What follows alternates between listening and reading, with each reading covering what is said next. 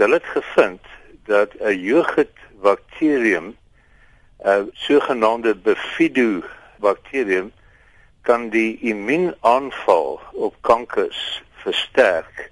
Soveel so dat saam met huidige antikankermiddel kan die inname van die jeugd baie baie beter respons gee as die antikankermiddel alleen.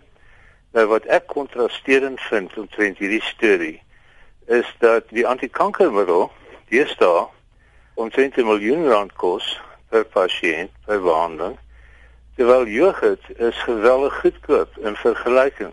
Die jeugd wat hierdie spesiale bakterium bevat kom in sulke 100 ml botteltjies vier op 'n slag en dit kos R20 net R20 en dit is verbasend dat iets so min kan kos en so geweldige effek kan hê. Maar natuurlik, dit is nou nie jou jogurt met klomp verskillende geurmiddels in wat mens ook kry wat jy weet die arbei is verskriklik soet en die piesang is verskriklik ja. soet nie. Ons praat van ongegeurde jogurt hierso. Ja. Nee, dit is definitief nie die algemene jogurt nie want die organismes moet lewendig wees om te werk.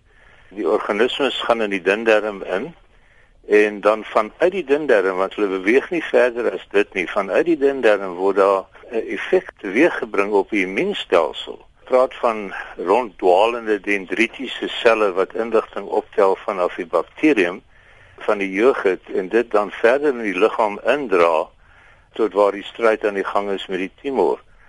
So ongelukkig is dit nie algemene jeugd nie.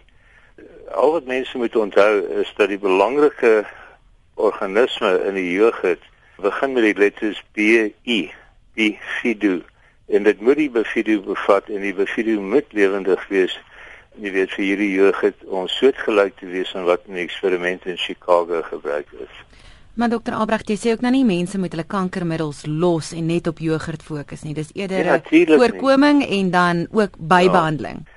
ja jy sien wat eintlik heeltemal verbasend hier is is dat ons weet almal van voorkoming en baie gevalle kos voorkoming ook niks nie. Jy spaar geld deur te voorkom. Byvoorbeeld deur nie te rook nie. Jy, jy spaar genoeg geld om reg om die wêreld te reis aan die einde van jou lewe as jy nie rook nie. Voorkoming is eintlik besparing.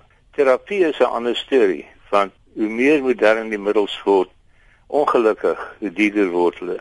So jy weet die tendens is dus vir terapie gaan die prys op en voorkoming is die prys laag, maar wat ons nou vind wat uiters interessant is en wat glad nie verwag was nie, is dat by konstighede tot huidige terapie kan 'n baie groot verskil maak vir sit te sê geen onkoste nie.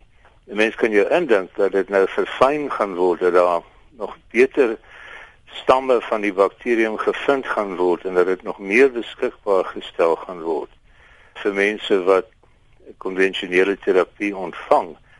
En uh, daar sal ook natuurlik met kliniese proewe vasgestel word waar dit werk en waar dit nie werk nie.